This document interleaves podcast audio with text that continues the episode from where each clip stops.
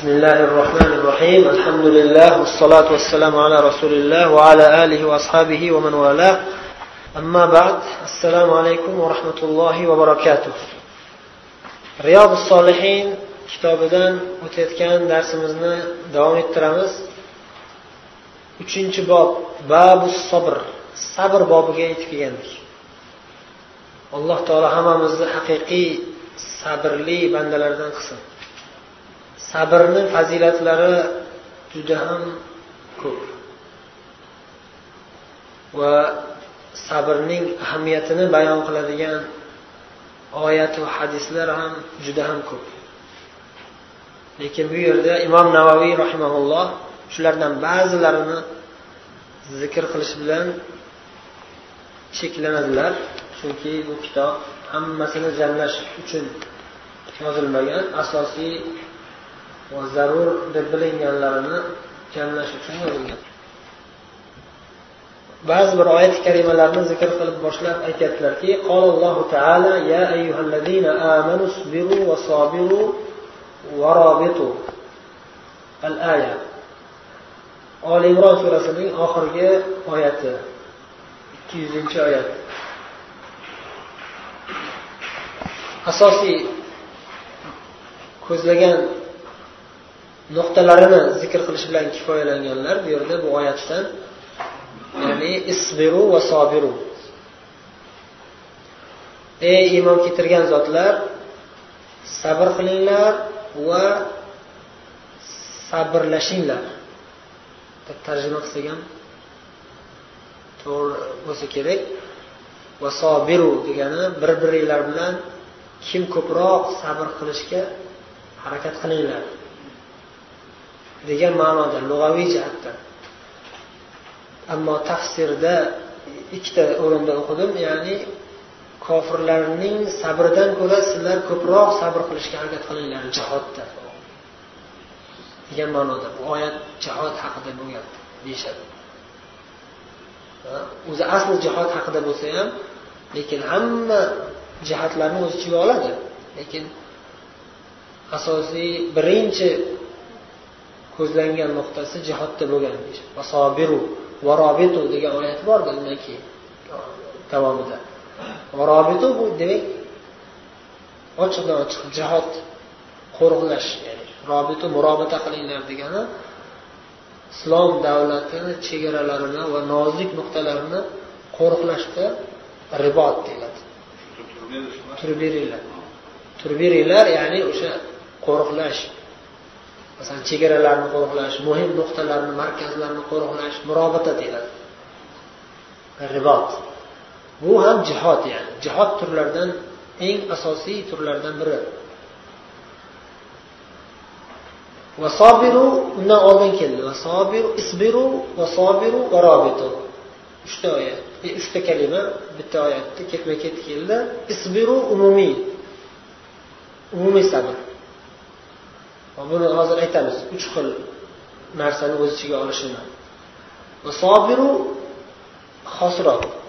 Jihoddagi sabr. Varobitu yanayam xosroq. Ribotdagi sabr. Eng katta ma'nosi bilan aytildi birinchi. Isbiruda. Keyin undan torroq doiradagi jihoddagi sabr. Jihod qilishda sabr qilish. Uchinchi yana ham torroq doirasida ribotdagi sabr qo'riqlashda islom chegaralarini qo'riqlashda ribot qilib turishdagi sabr. Hammasi sabrga bog'liq. Sabr uch xil bo'ladi. Eng oliy darajasi eng qiyini ya'ni allohning barcha buyruqlari toat ibodatlarini mukammal bajarishga sabr qilish. Alloh taoloning barcha buyruqlarini mukammal bajarishga sabr qilish eng oliy darajasi. Ikkinchi darajasi olloh harom qilgan narsalarni tark qilishga sabr qilish. Olloh harom qilgan narsani tark qilingda o'z havoyi nafsingiz shu ish qil desa ham unga itoat qilmasdan sabr qilib nafsingizni tiyib turing. Bu ikkinchi qiyin qiyinligi jihatdan ikkinchi o'rinda turadi?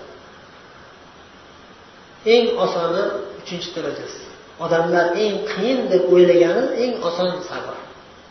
Odamlar o'ylaydiki musibatlarga boshiga tushgan og'ir kunlarga sabr qilish eng qiyini deb o'ylaydi. O'zi aslida bu eng yengili xohlasa ham sabr qiladi xohlamasa ham sabr qiladi. Majbur o'zi. Otasi o'lib qoldi onasi o'lib qoldi yaqin qarindoshi o'lib qoldi yoki katta bir musibat keldi boshiga deb nima qilish kerak? Sabr qilish kerak. Sabr degan nima degani? Allohni taqdiriga rozi bo'lib qabul qilish. O'zini yo'qotib qo'ymaslik o'zini yo'qotib qo'yib voydod qilmaslik. Va hokazo sabrni lug'aviy jihati o'zi aslida tutib turish ushlab turish tiyib turish degan ma'nolarni ifodalaydi istilohda ya'ni sabr ma'nosi mashhur istilohiy ma'nosi nafs alama takra ya'ni nafs inson nafsi yoqtirmaydigan narsalarga o'sha ajiz nafsni majburlab ushlab turish. Ya'ni inson nafsiga yoqmaydi turib tahajjud o'qish. To'g'rimi? Yoqmaydi insonga. Uxlash yaxshi ko'radi nafs. Lekin siz shuni nafsizga itoat qilmasdan nafsingizni majburlab tahajjud o'qib sabr qilasiz. Tahajjud o'qishga sabr qilasiz. Mana shu eng qiyin sabrlardan biri. Salaflardan biri aytadilarki tahajjud o'qishga yigirma yil o'z nafsimni majburladim keyin yigirma yil yoki qirq yil adashmasam ba'zi bir rivoyatlarda qirq yil kelgan rohatlanib o'qidim tahajjudni. Yigirma yilgacha nafslari kurashgan. Nafslari bilan bu kishi kurashganlar va nafslari u kishini iymoni bilan kurashgan. Qalblari bilan iymoni bilan. O'qima o'qila nima qilasan? Ertaga ishlaring bor zarur. U ham yaxshi ishlar. Yoki misol uchun jihod qilasan hozir yaxshi uxlab olgin. Salaflarni sifatlarida kelganda nima deyishadi? Deyishadi. Kechalari rohib ibodat qilishadi tahajjudlar o'qib. Kunduzi xursand chavandoz jihod qilishadi. Endi har kim har xil darajada biz hamma shu darajaga yetish kerak demoqchi emasmiz. Bu qiyin albatta. Hamma ham erisholmaydi lekin o'rganishga harakat qilish kerak demoqchiman yigirma yil harakat qildilar masalan shunchalik katta olimlar yigirma yil nafslarini tahajjudga o'rgatib sabr qilganlar. Demak sabr ma'nosi qisqacha aytganda shunday ikkinchi oyat وَلَنَبْلُوَنَّكُمْ بِشَيْءٍ مِنَ الْخَوْفِ وَالْجُوعِ وَنَقْصٍ مِنَ الْأَمْوَالِ وَالْأَنْفُسِ وَالثَّمَرَاتِ وَبَشِّرِ الصَّابِرِينَ baqara surasi bir yuz ellik beshinchi oyat alloh taolo musibatlar bilan imtihon qilishini aytib ogohlantirib qo'yyaptiki albatta biz sizlarni qo'rquv bilan hammasi bilan emas qo'rquvdan ozgina bir qo'rquv bilan sizlarni sizlarga qo'rquv solib ocharchilik bilan mol dunyolaringiz va nafslaring jonlaringizni kamaytirishlik bilan noqs ya'ni kamaytirishlik bilan vassamarot mevalarni kamaytirishlik bilan imtihon qilamiz deyapti alloh taolo.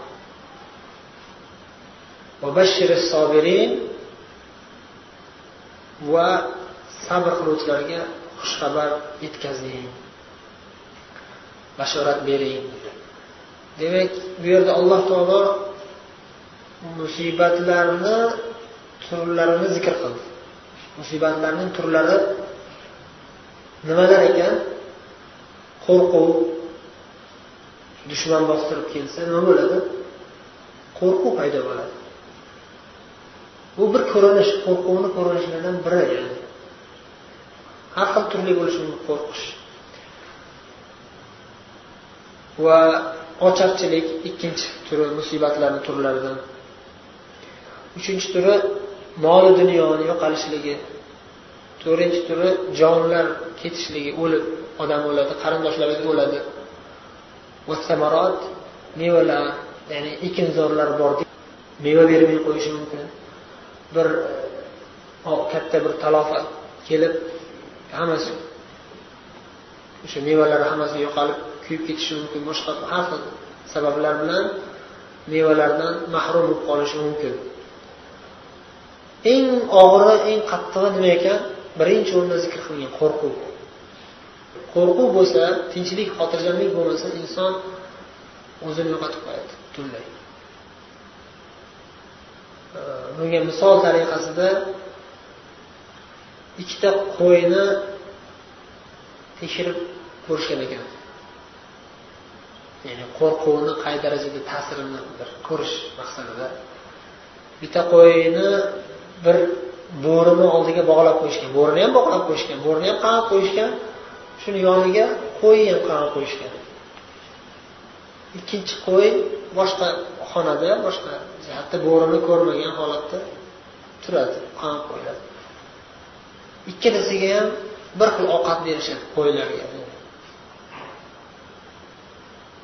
Bir xil ovqat beriladi. Bu bo'rini oldidagi turgan qo'y ovqat yemasdan ozib ketib o'lar narigi xonada turgan bo'rini ko'rmasdan turgan qo'y ovqat yeyveradi semirib semirib ketaveradi. Ya'ni aytilmoqchiki qo'rquv bo'lsa yeyotgan ovqatlaringizni ham tatimaysiz nasib qilmaydi. Yeyverasiz lekin hazm bo'lib ketaveradi foyda bermaydi. Bu oddiy bir zararlardan qo'rquvni zararlari juda ko'p birodarlar. Notinchlik bo'lsa notinchlik bo'lsa kalla ham umuman ishlamay qoladi. Umuman ovqat yo'q oddiy kalla nima qilish bilmay qoladi. Shu darajada qo'rquv ba'zi bir holatlarda insonni aqlini ketkazib qo'yadiki tarixda bo'lgan voqealardan biri tatarlar bag'dodga bostirib kirganda tatarlar mo'g'ul tatarlar ko'qon deb qo'yadi. Bag'dodga bostirib kirganda bag'dod ahli undan oldin xabarlarni eshitib qo'rquvlar tushib tatarlar unaqa ekan bunaqa ekan. Bahaybat narsani tasavvur qilib qo'rquv yetadigan joygacha yetib bo'lgan. Qattiq. Shunday voqealar bo'lgan ekanki tatarlar bostirib kirganda bag'dodga bitta xonadonda yigirmata odam bo'lsa bitta tatar kirar ekanda o'sha xonadonga qarar ekan. Qarasa yigirmata odam bor.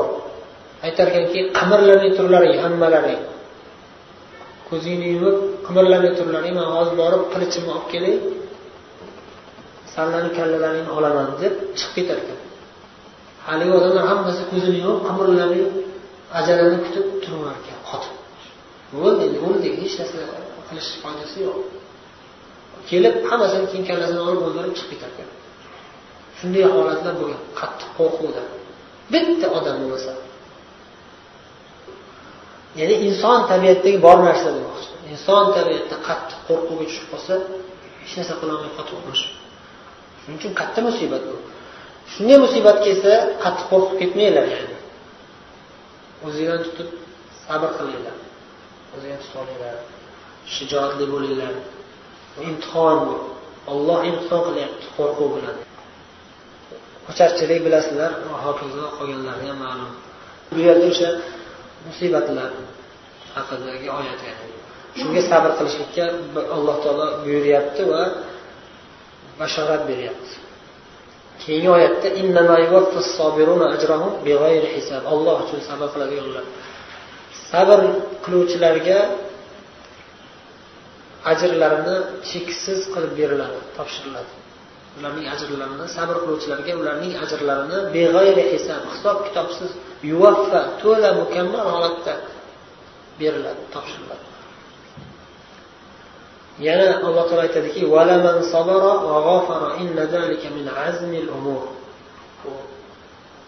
asosan musulmonlar bir birlari bilan bo'lgan munosabatlar haqidagi oyat kalima sabr qilib kechirimli bo'lib kechirib yuborgan odam shunday qilishlik azmil umur. Eng e, mustahkam yaxshilikda eng mustahkam bo'lgan ishlardan ya'ni qiyin va eng afzal ishlarga azima deyiladi azima. Sobit qadam turishlik ham azima. Alloh yo'lida qo'rqmasdan imtihonlarga sabr qilib sobit qadam turishlik ham azima.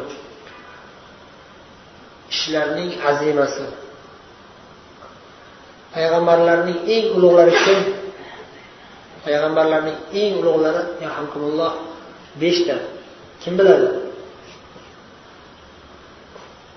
Eng ulug' payg'ambarlarni alloh taolo nimada sifatlagan? O'sha beshta eng ulug' payg'ambarlarning sifatlari ulul azm azimat egalari. Azimat egalariga sifatlagan. Nimaga? Chunki ular boshqa payg'ambarlardan ko'ra qattiqroq qiyinchiliklarga duch kelib ko'proq sabr qilib da'vat qilishgan allohni yo'liga sobit turishgan. Ularni ichida eng ulug'lari payg'ambarimiz muhammad sallallohu alayhi vasallam va ibrohim alayhissalom keyin muso alayhissalom va iso alayhissalom keyin nuh alayhissalom. Kechirimli bo'lishlik haqidagi oyat. Hozir valaman sabara va g'afara kechirimli kechirib yuborgan ya'ni kechirib yuborishlik uchun sabr kerak. Sabr qilib birov sizga birodaringiz xato qilib sizga zulm qilib qo'ydi sizga xato ish qilib qo'ydi urushib ketmang. Kechirib yuboring. O'z haqqingizdan voz kechingda kechirib yuboring. Qiyin narsa Unga sabr kerak. Qiyin. O'shaning uchun lamin azmil umur dedi. Bu ishlarning eng azimatlaridan kuchli mustahkam va qiyin ishlardan. Va fazilati juda buyuk. Keyingi oyatga o'tamiz. Istainu bis sabri va salat. Sabr va namoz bilan alloh taologa iltijo qilib allohdan yordam so'ranglar. Sabr vositasi bilan. Yordam so'rang eh? biz aytadiku vaqt ko'rsatadi. Sabr qilib turgin vaqt ko'rsatadi. Deydiyu shunga o'xshash narsa. Ko'p ishlarni siz shoshilmasdan sabr qilib tursangiz yutasiz. Ko'p ishlarda shoshilib ketgan odamlar yutqazadi. Ba'zi odamlar biladi shu narsani lekin baribir shoshilib ketib qoladi. Ko'p judayam ko'p misollar bor bunga. Ya'ni hayot o'zi shunday. Yugurganniki emas buyurganniki deganday qarasanglar shoshilganlar ko'pincha yutqazadi. Sabr qilish kerak. Va solat namoz sabr qilishga yordam beradi yana. Namoz ko'p ishlarga yordam beradi. Shuning uchun namoz bilan yordam so'ranglar. Namoz bilan sabr bilan yordam so'ranglar deyapti alloh taolo. Kimdan so'raymiz? Yordamni sabrdanmi? Yo'q ollohdan so'raymiz. Sabr vosita ya'ni vasila. Bu namoz ham. Rasululloh sollallohu alayhi vasallam sifatlarida keladiki o'sha o'zinglar bilasizlar.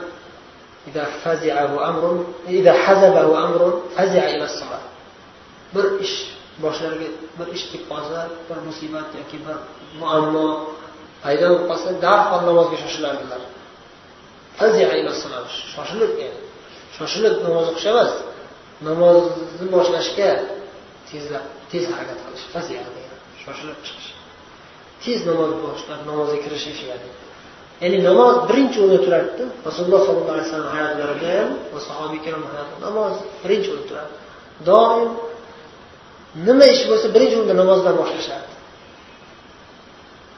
nima qilishni bilmay qolsa ham namozdan boshlashadi.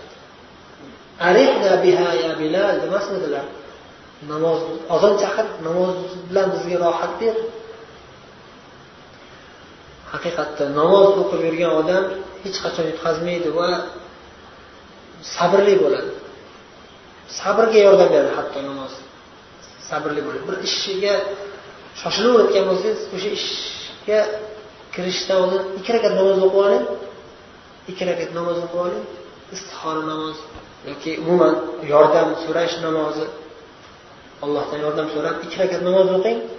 Inshaalloh o'sha ishingiz baribir yaxshilik bilan bo'ladi. Innalloha ma'as sobirin. Shak shubhasiz alloh taolo sabr qiluvchilar bilan birgadir. Va yana alloh taolo aytadiki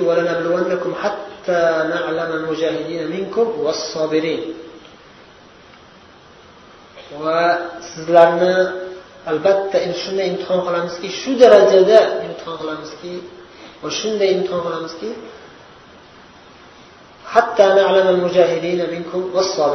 sizlardan mujohidlar va sabr qiluvchilar kimligini bilib olgunimizcha sizlarni imtihon qilamiz. Olloh biladi hamma narsani oldindan. Lekin buni nima deyiladi? Ilmu zuhur deyishadi. Ilm zuhur. Ya'ni ollohning azalda bilgan ilmini voqeda zohir qilish. Ya'ni alloh taolo hatta mujahidin ya'ni hatta nuzhir mujahidin vassobirin minkum vassobirin ya'ni mujohidlarni va sabr qiluvchilarni kimligini oshkor qilish uchun kim haqiqiy mujohid? Kim haqiqiy sabrli inson. Shuni oshkor qilib odamlarga ko'rsatish uchun degan. Bilishimiz uchun degan. Bilmaydimi alloh taolo? Biladi. Lekin shuni oshkor qilishni xohlaydi alloh taolo. Shuning uchun shunday taqdir qiladi. Shunday qilib imtihon qilamiz deyapti. Demak sabr qilishimiz kerak. Allohni imtihonlari qarshisida. Alloh imtihon qilamiz oldindan aytib qo'ydi. Islomga kirayotgan odamga va talaba ilm qilayotgan birodarlarga va barcha musulmonlarga aytamizki sobit qadam turib sabr qilib ilm olish kerak. Nafsga yoqmaydi hech qachon. Hech qachon hech qaysi bir insonni nafsi malaikalarga o'xshagan emas. Ya'ni maloikalar tabiatan alloh taologa ibodat qilishlikka itoat qilib yashashlikka munosib. Shunday qilib yaratilgan. Hech qachon ular hayollariga ham kelmaydi. Ma'siyat yoki dangasalik. La yafturun deydi alloh taolo payg'ambarlar e, sifatida. Ozgina bo'lsa ham dangasalik qilishmaydi ya'ni malollanib qolish malollanishmaydi maloikalar doim ibodatda ular hech qaysi birimiz unaqa emasmiz. Bizda ikkita narsa bor. Insonda ruh bor ruh va jasad bor. Ruh tepaga tortadi jasad yerga tortadi. Nimaga? Chunki ruh ruh tepadan nozil bo'lgan ya'ni demoqchi jasad yerda tuproqdan yaratilgan bizni jasadimiz. Ruhni alloh taolo o'zi yaratib bizga kirgizgan yerdan olinmagan ya'ni. O'shaning uchun ruh tepaga tortaveradi insonni hatto kofirlarni ham qarasangiz kofirlar mushriklar hammasi ruhiy jihatdan tepaga tortadi shirk qilsa hamda shirk qilsa ham qandaydir qalbi tepaga tortadi o'shaning uchun inson ruh tepaga tortaveradi. Lekin jasad jasad yerga tortadi. Bizda o'sha ikkita narsa borda ruhimiz tepaga tortadi jasad lekin jasadimiz ustun kelib qoladi. Nimaga? Desangiz chunki biz ruhimiz ustida ishlamaymizda. Salaflar yigirma yil o'ttiz yil ruhini ustida ishlaadi jasadimiz ustida ishlaymiz. Yoshligimizdan ota onamiz bizga yaxshi ovqat berib yaxshi qarab sal kasal bo'lib qolsak ham doktorga olib borib shu jismoniy jihatimizga e'tibor berilib katta bo'lganmiz ruhiy tarafga e'tibor berilmasa zanglab qoladi ruh ham moddiy zanglash emas ma'naviy zanglash shuning uchun ustimizda ishlab ko'p jihod qilishimiz kerak ko'p harakat qilishimiz kerak والآيات في الأمر بالصبر وبيان فضله كثيرة معروفة sabrga buyuradigan va sabrning fazilatini bayon qiladigan oyatlar juda ham ko'p. Kafiratu ma'rufa ko'p va ma'ruf mashhur. Bilasizlar ya'ni sizlar. Ko'p eshitgansizlar. Sabr qarshisida odamlarni darajasi shu to'rt daraja. Eng yomoni shu norozilik. Besabrlik norozilik. Allohni taqdiriga norozi bo'lish undan yaxshisi sabrli bo'lish. Faqat sabrli bo'ladi lekin rozi bo'lmaydi. Musulmon birodar lekin taqdirga to'la rozi bo'lmaydi.